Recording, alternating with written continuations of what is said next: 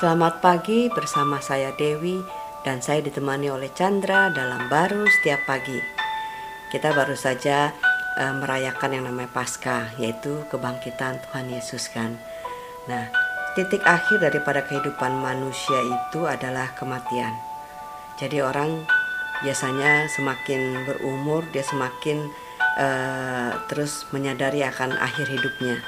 Padahal di dalam Tuhan itu tidak demikian ya 1 Korintus 15 ayat 22 dikatakan, Karena sama seperti semua orang mati dalam persekutuan dengan Adam, demikian pula semua orang akan dihidupkan kembali dalam persekutuannya dengan Kristus.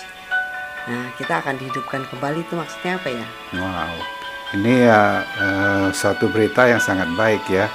Orang kalau uh, mati rasanya kan sedih banget hmm. gitu kan uh, hilang, tidak ada harapan, eh bisa hidup kembali itu suatu uh, yang nggak bisa dibayangkan mujizatnya. Yeah. Tapi uh, yang digambarkan dalam Firman Tuhan ini melampaui daripada kejadian orang mati dan hidup, tapi orang bisa mati lagi. Hmm. Tapi yang satu ini uh, sebenarnya manusia itu sekalipun secara jasmaninya dia hidup, tapi sebenarnya dia akan menuju kematian dan dia ada realem kematian. Hmm. Dia nggak bisa uh, lepas uh, daripada realem kematian itu yang terbatas, yang uh, tidak bisa uh, dia nikmati dalam satu kenikmatan yang Tuhan inginkan dalam hidup dia dengan kebahagiaan yang Tuhan inginkan dalam kehidupan dia secara penuh dan melimpah. Nah, hidupnya ada aja uh,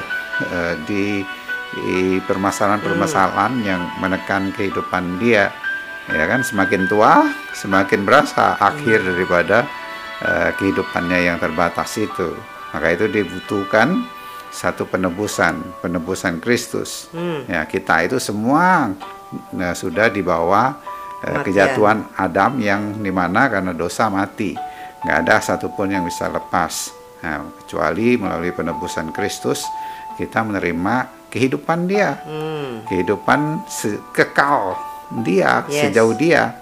Nah, itulah yang membuatkan kita bisa uh, hidup dengan pemikiran kekal dan hmm. sejauh hidup kita dengan iman kita kepada Kristus. Hmm, walaupun Ketik, secara jasmani itu tidak kekal. Ya, walaupun ada jasmani kita ada batasnya, hmm. tapi kita nggak hidup dari jasmani itu. Hmm. Tapi kita hidup dari percaya kita kepada Dia sejauh Dia kehidupan itulah yang ada di dalam hidup kita, yang telah menyatu di dalam hidup kita.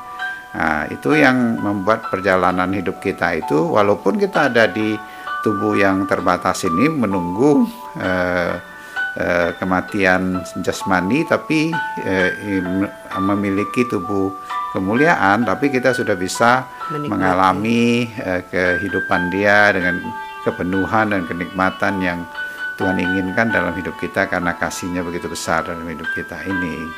Wow, amin. Ya, amin.